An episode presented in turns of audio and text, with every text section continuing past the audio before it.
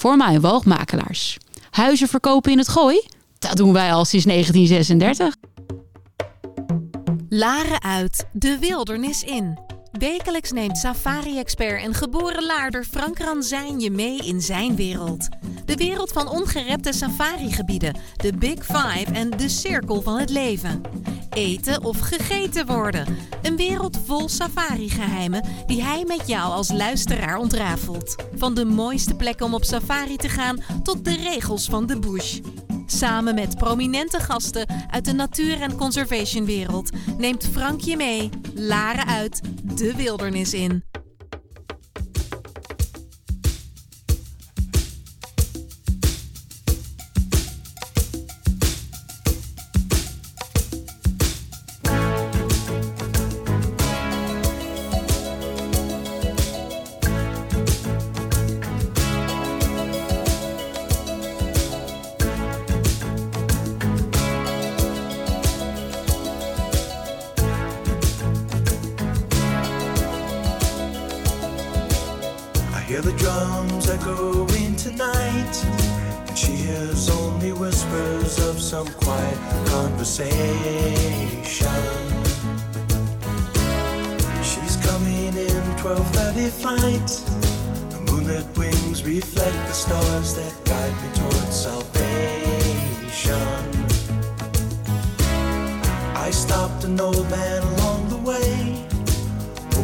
find some old forgotten words or ancient melodies.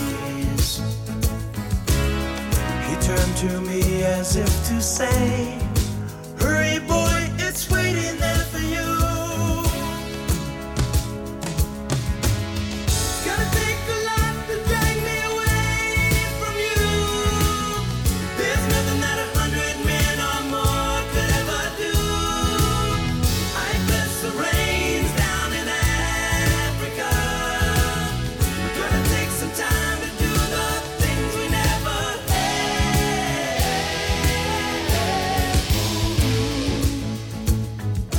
Een goedemiddag aan alle luisteraars. Hier vandaag bij Safari Geheimen op Dorpsradio Laren. Leuk dat jullie weer meeluisteren naar ons programma Safari Geheimen. Safari Geheimen is wat wij noemen een infotainmentprogramma. Wat deel uitmaakt van Safari Secrets. En Safari Secrets is de boutique reisspecialist op het gebied van 100% maatwerkreizen. Voor duurzame natuur- en wildlife reizen. Waarbij genieten, ervaren en een positieve impact achterlaten op de bestemming centraal staat. Schenk gewoon lekker op deze mooie zomerse dag vandaag weer eens even een lekker wit wijntje in om in de juiste sfeer te komen. En reis samen met ons vandaag mee naar het prachtige Ongava Game Reserve van Namibië. We gaan je weer proberen te inspireren voor het maken van onvergetelijke herinneringen wanneer jij op safari wilt naar de ongerepte en ruige natuur en safarigebieden van Afrika, India of elders. Vandaag hebben wij te gast live in de studio de heer Rob Moffert, sales en marketing manager van het Ongava Game Reserve in Namibië. En het Ongava Game Reserve is een wildreservaat gelegen in het noordelijk deel van Namibië, nabij het Etosha National Park, maar dan is het een privé, uh, privé game reserve grenzend aan Etosha. Het reservaat strekt zich uit over een oppervlakte van ongeveer 30.000 hectare en biedt een spectaculair landschap met diverse habitats en een overvloed aan wilde dieren. Waaronder neushoorns, leeuwen, olifanten, giraffen, nou, you name it, allemaal aanwezig. Het Ongava Game Reserve staat bekend om haar hoogwaardige safari-mogelijkheden en meer dan exclusieve en luxe accommodaties, waardoor het een populaire bestemming is voor natuurliefhebbers en avonturiers. Het is een Big Five Game Reserve waarbij je echt alle dieren mag verwachten die er in een Big Five reservaat te verwachten zijn. Um, okay, let's introduce my guest of today properly in English. Welcome, Rob. Very nice that you're here today and that you took the time to come over to Laren, to our nice little town, my hometown, um, and being here in the studio. Welcome, Rob. Wow, thank you, Frank. What an incredible privilege on this magnificent summer's day. And it's the summer solstice. It's the longest. It's the longest day. Is there a Dutch word? Everybody knows that. Uh, yeah, we call it uh, the the long the longest day, but in English or in in in Holland, uh, de langste dag.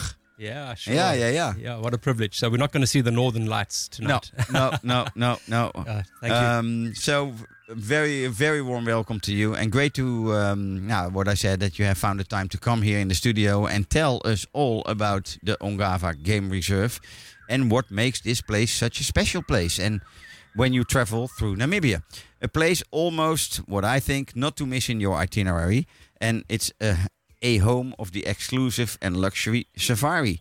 The Ongava Game Reserve is a wildlife reserve located in northern Namibia, adjacent to the Etosha National Park, covering an area of approximately 30,000 hectares. It offers diverse habitats and is home to a wide range of wildlife, including lion, rhino, elephant, giraffes, etc., etc. The reserve is renowned for its high quality safari experience and luxurious accommodations making it a very popular destination for nature lovers and adventurers.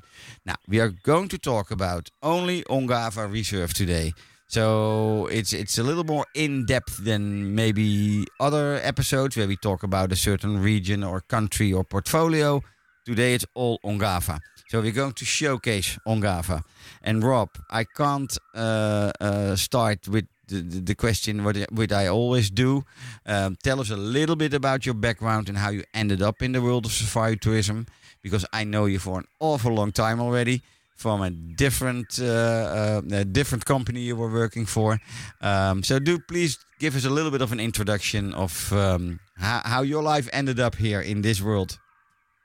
Certainly, Frank. Thank you for that warm welcome. And it's an a, first off, it's a great privilege uh, I've had a look at your previous podcast guests and um, honored to be included.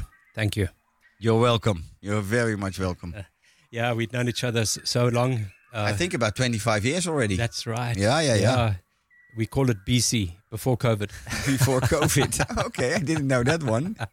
Normally BC is meaning something else. Yeah, yeah, yeah. Okay.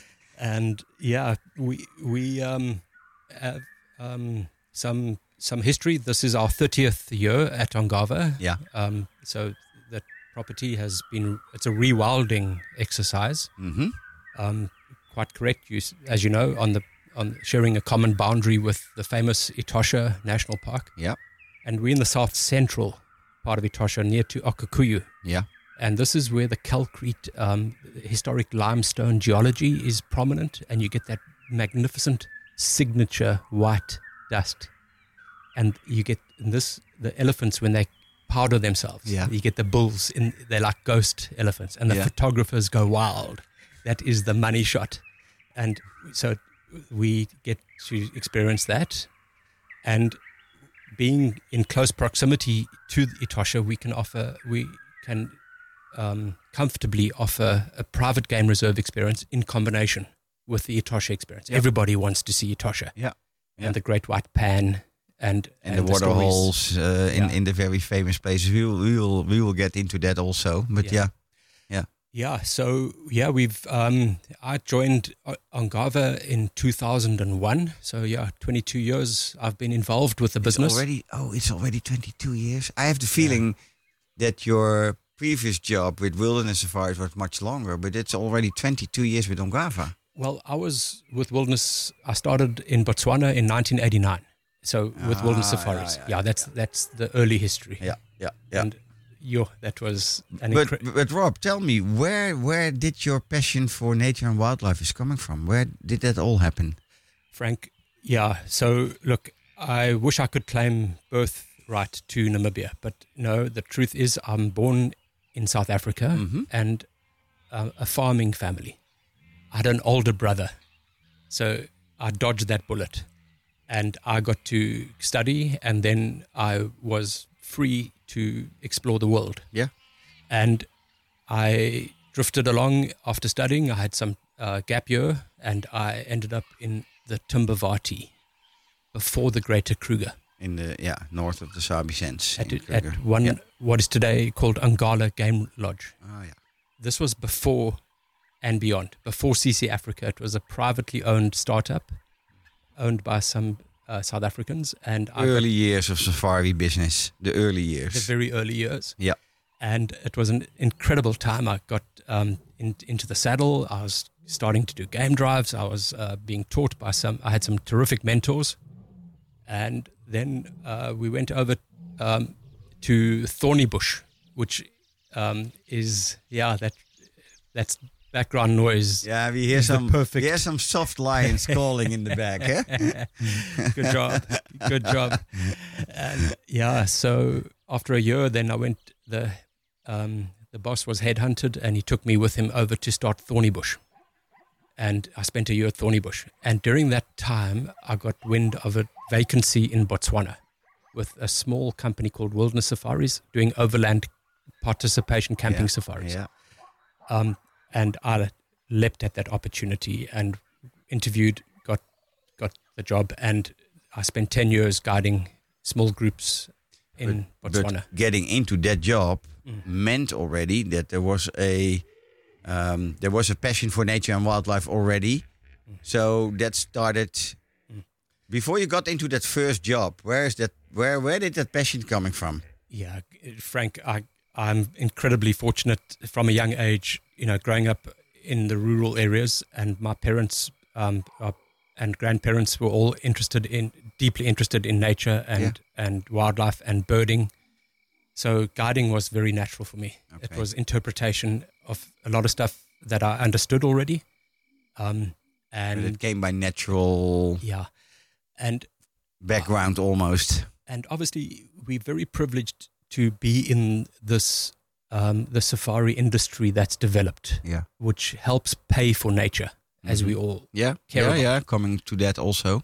Um, but you know, and there's there's these magnificent um, key species, these charismatic mega fauna, you know, Mhm. lions, Yeah. um, and elephants and rhinos. They're all big part of our lives. Yeah. In fact, the name Ongava is the local Herero name for rhino. Ah, Ongava is called know that. game reserve in the indigenous Ah, language. I learned I learned my lesson of today. I always want to learn a new lesson every day. This is my new lesson of today. I didn't know this. So, my deep down, my interest in nature is in sustainability. It's a boring word, okay, but it's on everybody's lips. But here's how it works. Here we are, this species of primate on our hind limbs and bipedal, floating around this great emptiness of space on this random rock.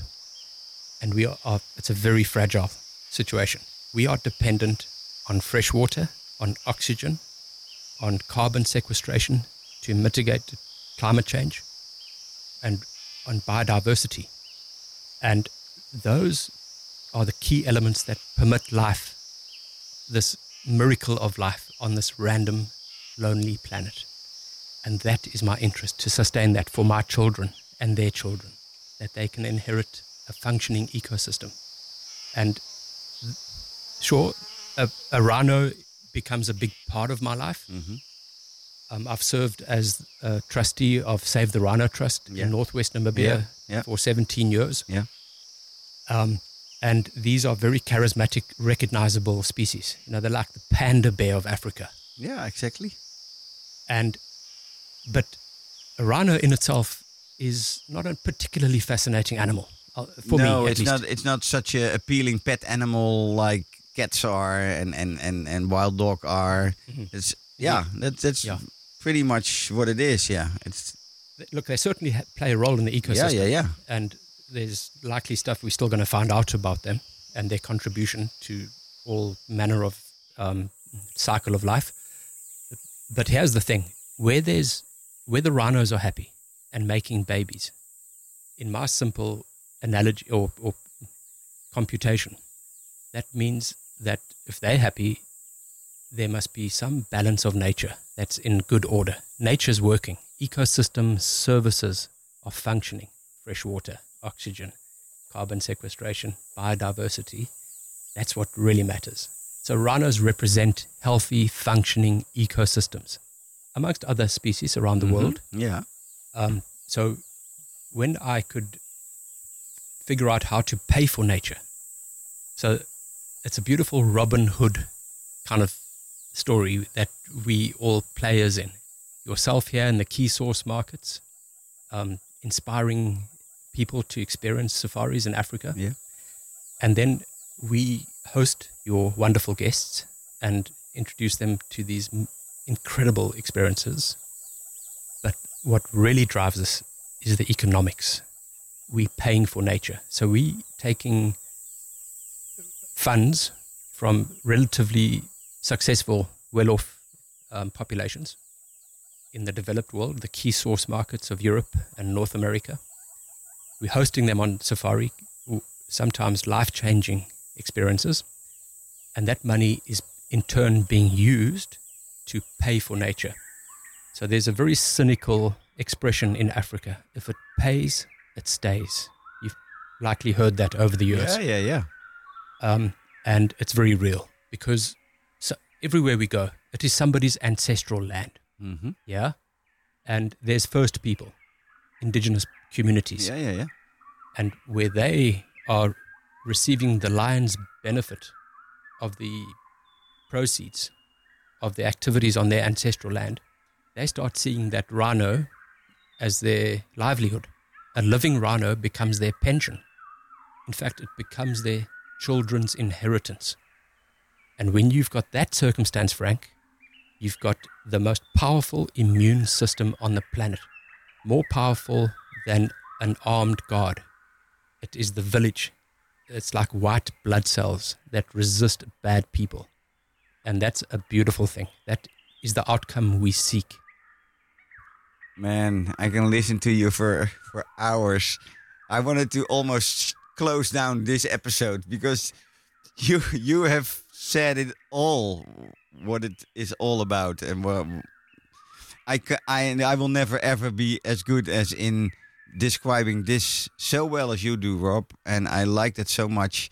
Um, and and and you are really pointing out of course the importance of those four elements you you mention and and and and the pension for the for the local communities of a rhino etc etc all in the first 10 minutes we got it all already. So thank you for that wonderful uh, description of um, yeah what nature actually is all about um, can you can you tell me um, being started in South Africa then into Botswana what made you decide working for Ongava. Why did you make that change? Can you tell us? Oh, great question, Frank. Great question. Yeah, it was a very conscious decision. Um, I was um, having a whale of a time in Botswana. Mm-hmm. It was just exploration in this incredible wilderness. Pioneering with Wilderness Safaris, yeah. which is a very big company now. Yeah. Yeah. And um, the company had started a sister company in Namibia, and the founders of Ongava had met each other. The Namib- the Wilderness Safaris, our counterparts yep. in Namibia. Yeah.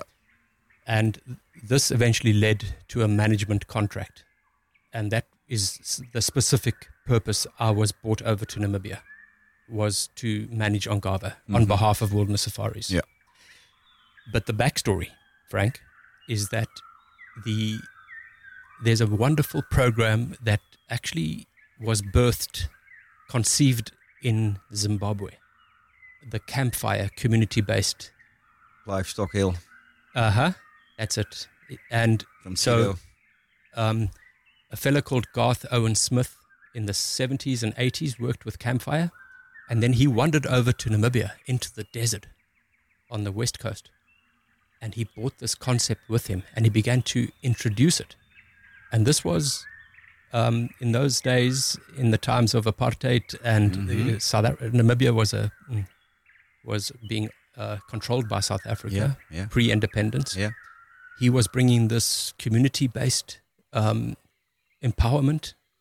He faced a lot of challenges, and he was decried by the conventional um, conservationists. Yeah, they yeah. said this is you bringing you bringing the fox into the henhouse. Yeah, yeah, yeah, yeah. And he persevered to the extent that when Namibia became independent and democracy was introduced in 1990, let me remind you that's four years before South Africa. Um, we're a little bit proud of that. that the government embraced this approach, this policy, and by 1996 had promulgated legislation called CBNRM, community based natural resource management. It was Campfire modified for Namibia. For Namibia, yeah. And that, when I was next door in Botswana, I was young, free, and single.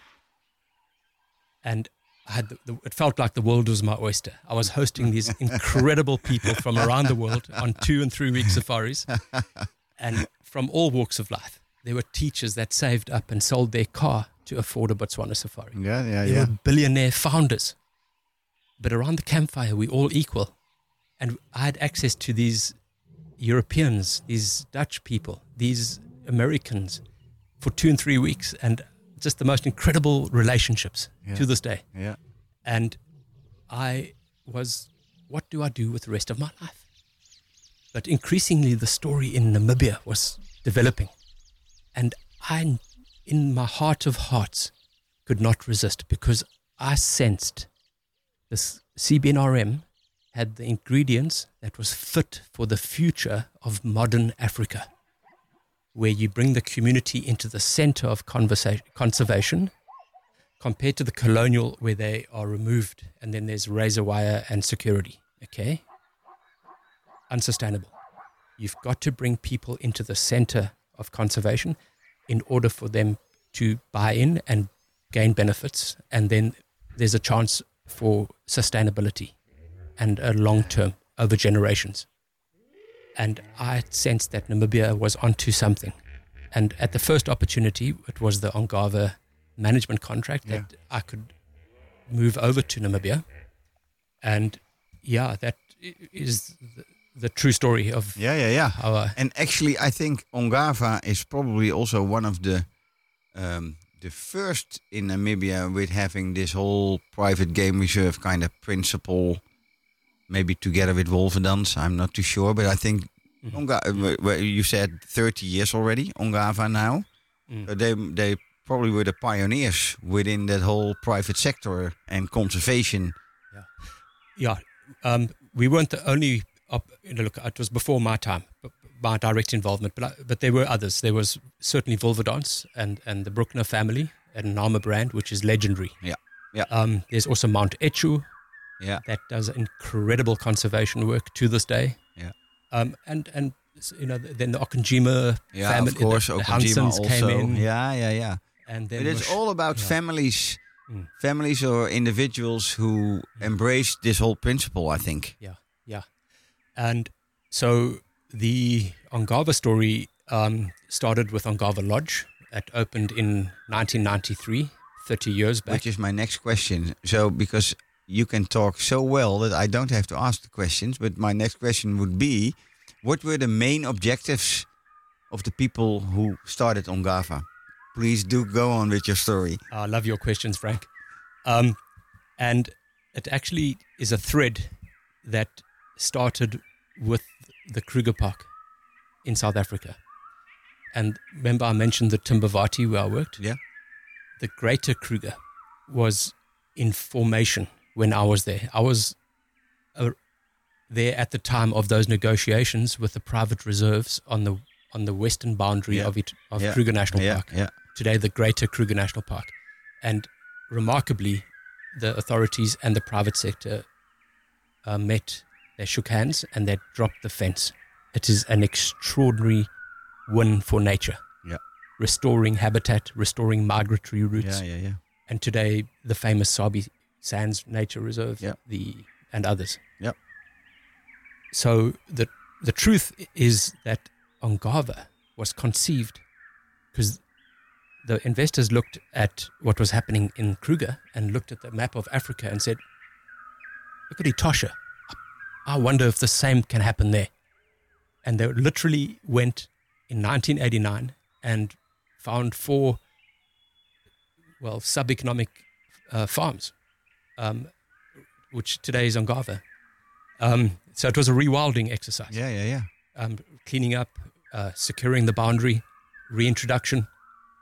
Um, the first lodge got up and running in 1993, and it was the main lodge, I think. correct. Yeah. yeah, Yeah.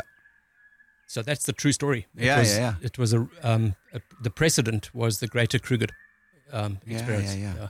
Very nice uh, uh, to uh, to hear more about that.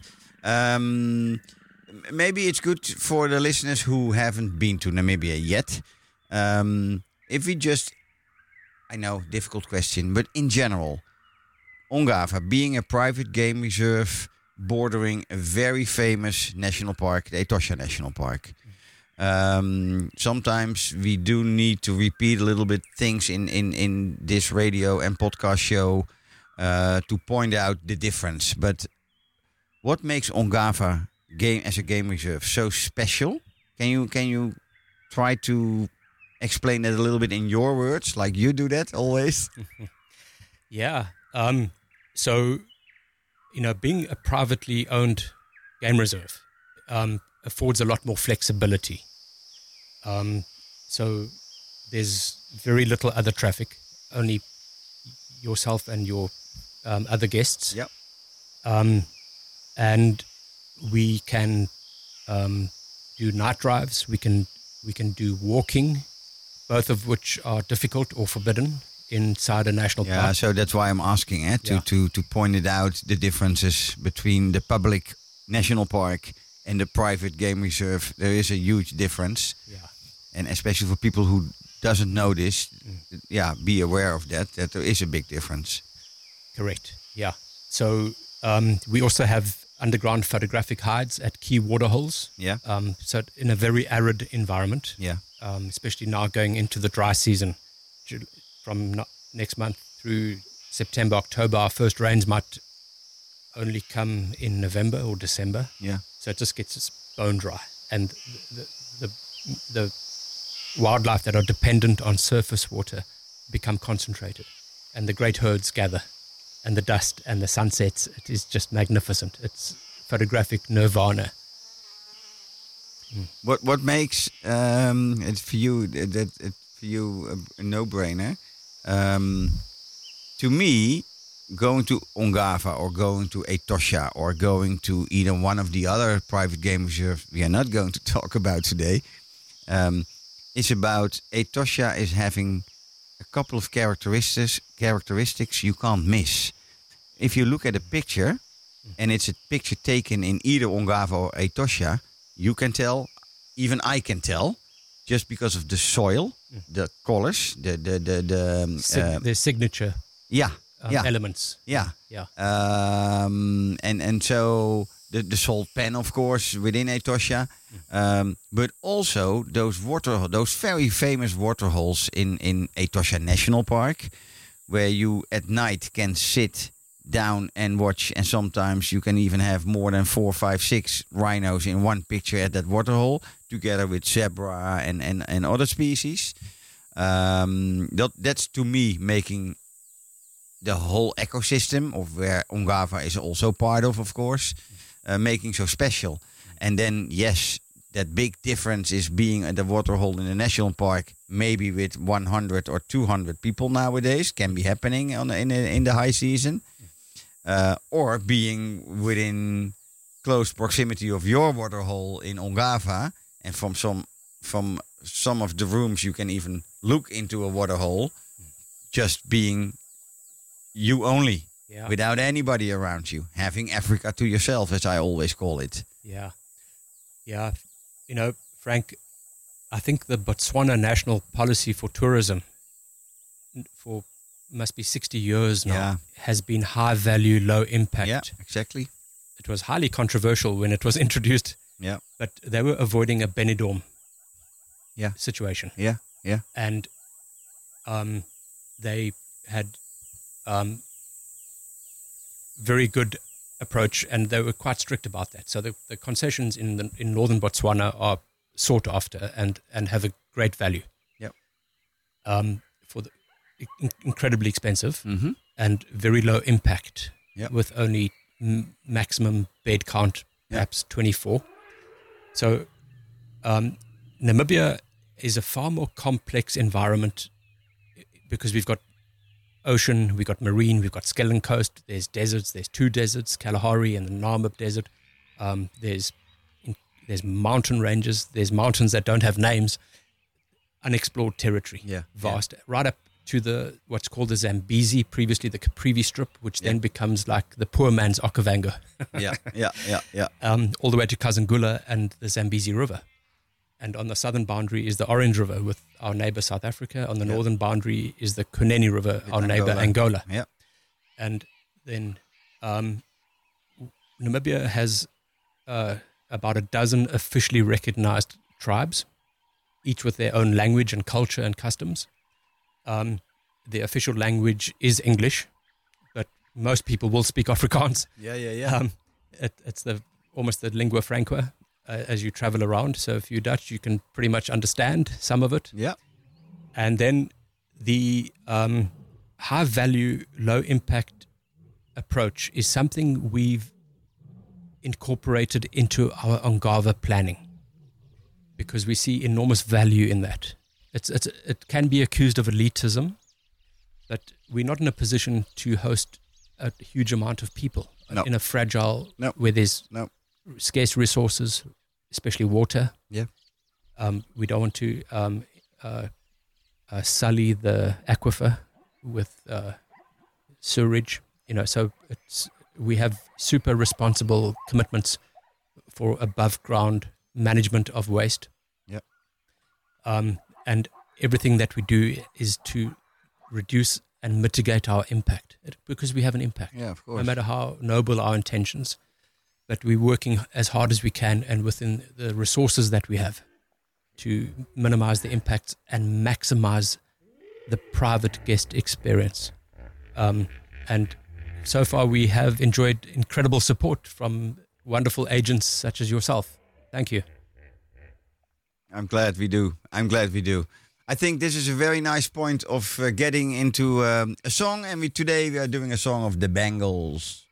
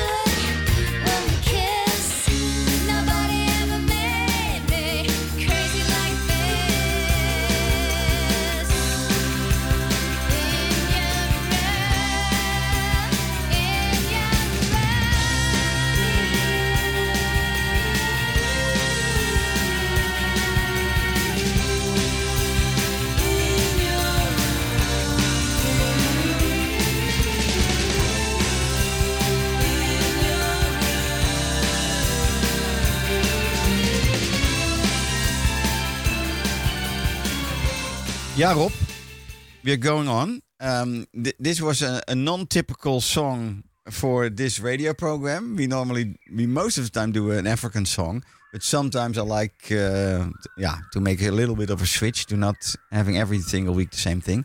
Let's talk about Ongava again, uh, and I like to talk about the conservation side of it before we are running out of time, um, because I know that conservation within the Ongava uh, portfolio with their four different camps is very important. Can you just tell in your uh, because you will have a wonderful story again. What is the conservation side of Ongava? What's it all about? Um, it's it's the alpha and the omega of why Ongava exists. In fact, our slogan or or strapline is nature first.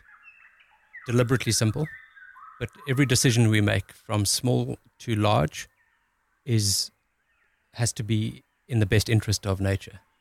Um, by example, if a guide is driving, returning from a long hot day in Etosha, and a family of zebra are about to cross the road, you stop. Nature first. Allow the zebra to cross. Zebra crossing. Instead of cutting them off. Yeah. Very simple example, Yeah. very important for Yeah, us. yeah. Right through to major decisions. It, in, it informs and frames all our decisions. If we're going to, say, upgrade or develop a new property, in the final analysis, if it is not in the best interests of nature, we don't do it. Okay? It's off the table. And so that is how it frames our thinking. So that's the visible promise. hmm The internal promise amongst the 190 colleagues is happy guests. That's it. It's not rocket science, folks. Happy guests. Whatever it takes. Okay? Happy guests is like the key of, of everything we do. Yeah. Because despite all the technology, despite AI,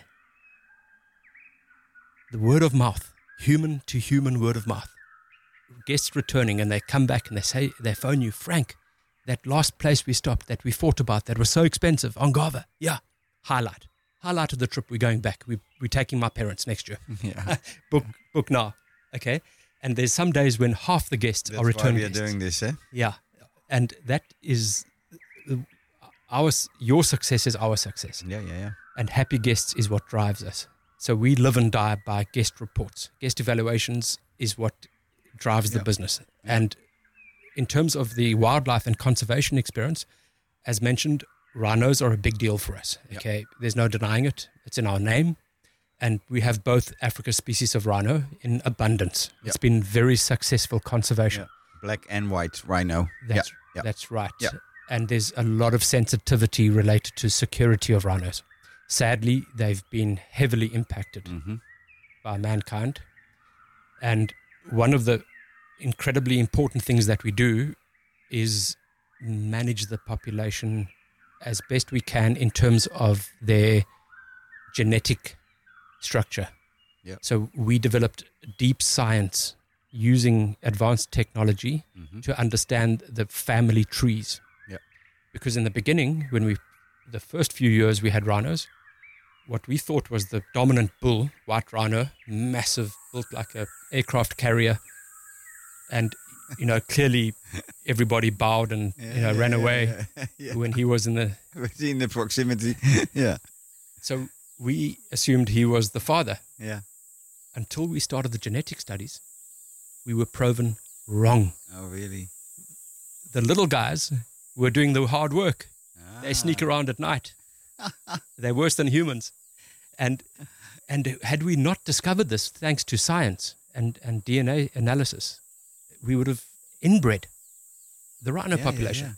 But, but thankfully, to technology, we could quickly in- intervene and change course. Is this also the reason why you started that research center on Ongava? That's, that was the f- key finding that then led us 20 years ago to formalize the Ongava Research Center. Yeah, yeah, Correct. yeah. Okay. So the founder, Dr. Ken Stratford, a pre- professor from Oxford University, genetist um, and uh, computer IT expert, Yeah. um, he and some of my colleagues got going and modest beginnings. Yeah, you know, uh, living in a tent. and up until 2018, then we rewarded our long suffering scientists with a state of the art science and research center. This facility is unprecedented in such a remote and rural Yeah. part of the world. And there's wet labs, there's dry labs, there's accommodations, there's offices, there's storage, there's data, there's workshops. And it's open for all the guests within the Ongava Reserve. Eh? No matter which camp you're staying, Yeah. even from the uh, from the high-end Ongava property to the, yeah, it's always difficult, eh? but the, the the a little bit more affordable option you do. All the guests at Ongava have access to that research center. Eh? It's included. So that's their main. Is that also their main involvement if they like and want to to get involved in conservation? Frank, you know, we we don't do voluntourism, and I can explain. We bank that for another day.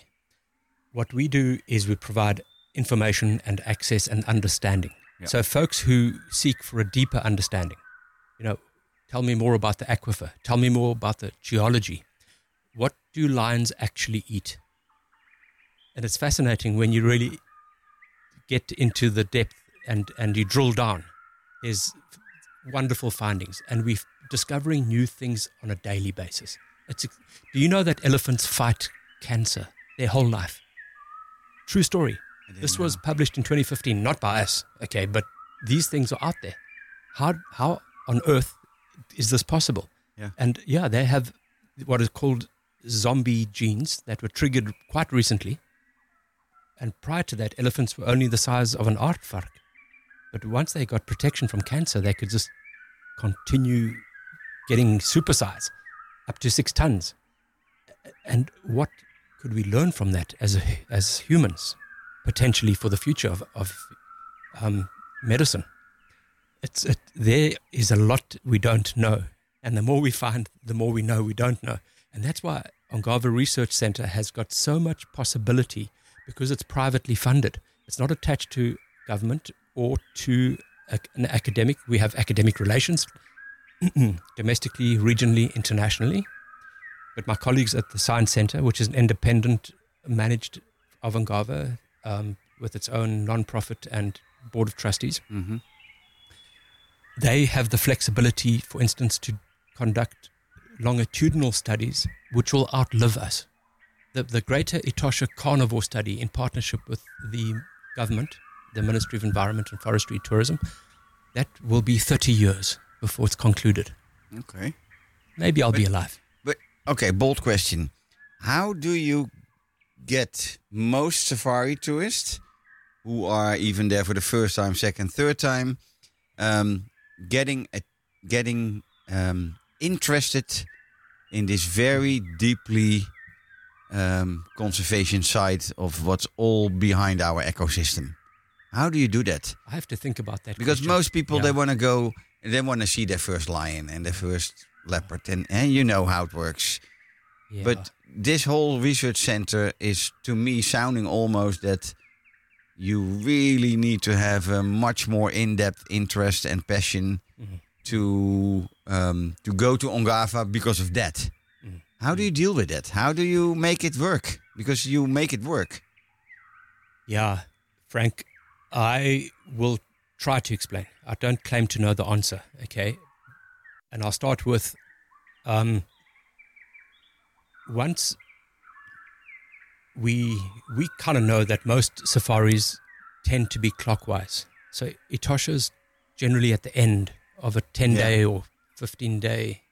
Had, a Namibia lot to, had a lot to do with the flight, the flight schedules in, within Namibia, of course. But you are Yeah. totally right. Yeah. so several things happen from that. Um, one of them is the guests, the jet lag is long gone. Okay, the lost luggage has caught up to them, and the stress is they're now beginning to get to grips with this Yeah, very Yeah. strange country. yeah, yeah, yeah. Okay, now if you're in the presence of a national guide, you can get a lot quicker, a lot more deeper into what what is the dynamic, what's going on.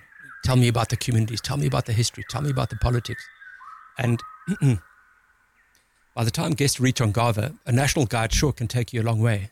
But yeah, you start to think, what if this um, quality of water that is so calc, this, what, what, what is the history of that? So we have the opportunity for you to drill deep down and to tickle those interesting um, um, thoughts that might occur to people. But we also purposefully trigger it. So we, we study below the ground, above the ground, the heavens above.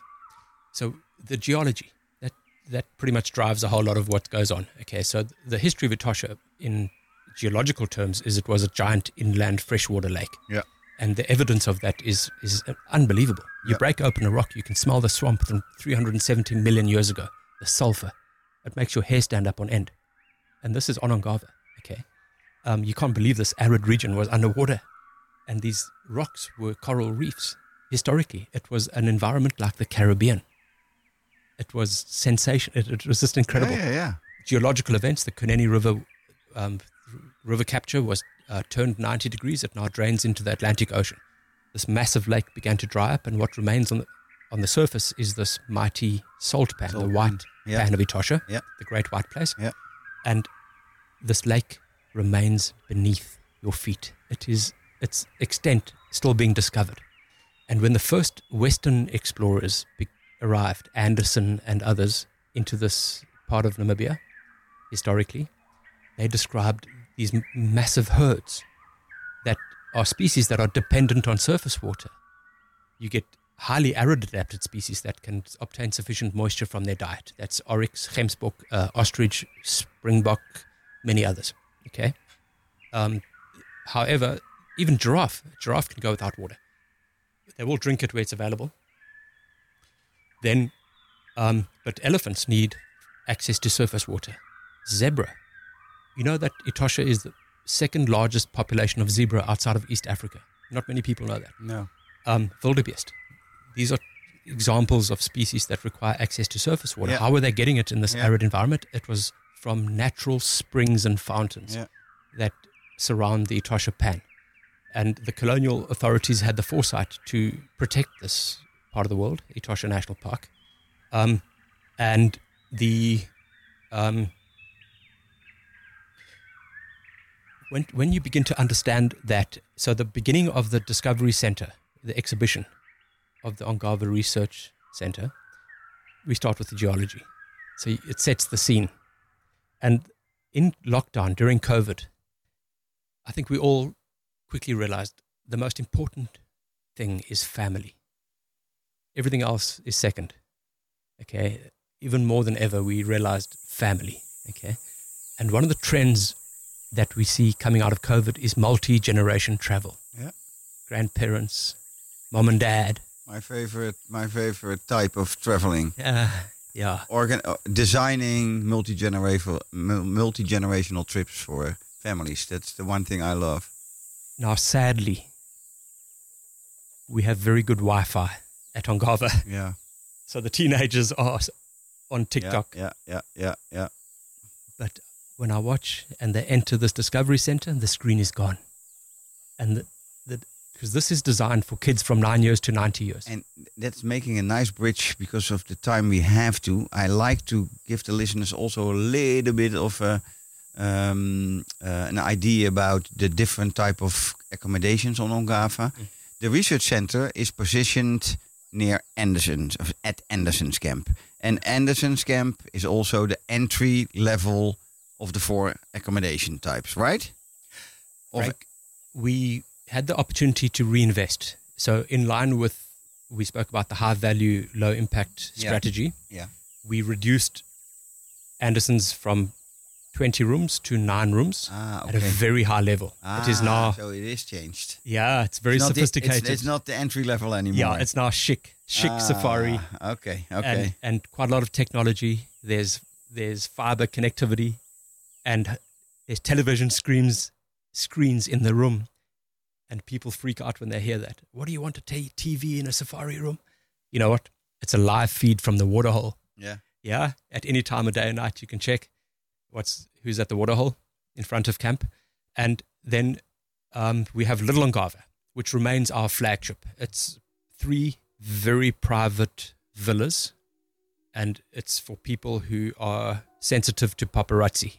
Guaranteed no paparazzi. Yeah. It's private, super private. Um, I had been the privilege of staying there once, long time ago.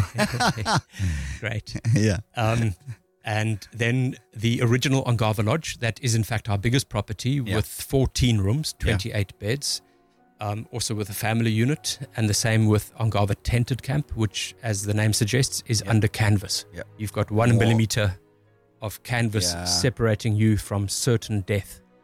It, it's a deep immersion in nature. the most authentic, the most authentic way of uh, sleeping in the bush, hearing all the sounds, etc. But, but but actually, that's ex- that's precisely what I was trying to find out. All those different properties are for a different type of guest, and the guest who who wants to be all the safety will be much more in Ongava Main Lodge or even in the flagship Little Ongava, and the ones who really like to be as close as much to nature as possible they tend to like Ongava Tented Camp a lot, from what my experience is all the time. Yes. That they are not always going for the most luxury um, type of accommodation, but sometimes just because of the most closest to nature type of accommodation. Frank, you know, some days up to half the guests are return guests and multiple return guests. It's extraordinary. You know, Namibia, be warned, it digs deep. And, and when you get a good match, it becomes a lifetime obsession. We incredibly fortunate. And you know what the most popular camp is for return guests? It's Ongava Tented Camp. As Yeah. you point out, Yeah, the exactly. immersion, the proximity to nature, Yeah. the sounds of, of the wildlife. And it's a silent camp. It's off grid, it's solar it's it's it's just spectacular. It's it's I think it's everybody's favorite. Um, but yeah, certainly we've got different levels and different um, styles to suit a, a range of, demog- and- of and demographics. Prefer- preferences. Yeah. Okay, Rob. Um, as we hear the, the, the background music already, those those birds are coming and arriving again. That means we are um, through our talk and hour.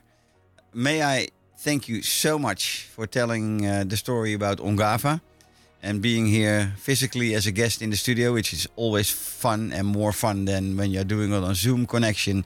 But yeah, when you want to talk to people from out of the bush directly, then uh, we have to do it like that. But I was fortunate to have you here today. Um, of course, if people who have listened now or will listen to the podcast episode later on and they want to know more about Ongava Game Reserve, then yes, do please contact via an email info at safarisecrets.nl or just call me on um, 06 24 732 882. But just send me the email. And uh, of course, I will tell you all about Ongava. Um, I have been there myself. Yes, it was a little bit longer ago, especially with the, the, the terrible COVID years, COVID years in between. But I can tell you uh, all about the experiences over there. Um, if you want to um, know more about all the talks we do here in the in the in the radio program, do check out the podcast Mijn Afrika, Mijn Wildlife, and you will get first-hand information from either owners or uh, people who are very much involved within a certain portfolio or even a single um, uh, property. Um, no better way of getting informed before starting planning your safari. And of course, I do hope that you will do it with safarisecrets.nl. Um, I wish you all a very nice evening and talk to you guys next time again. Bye bye.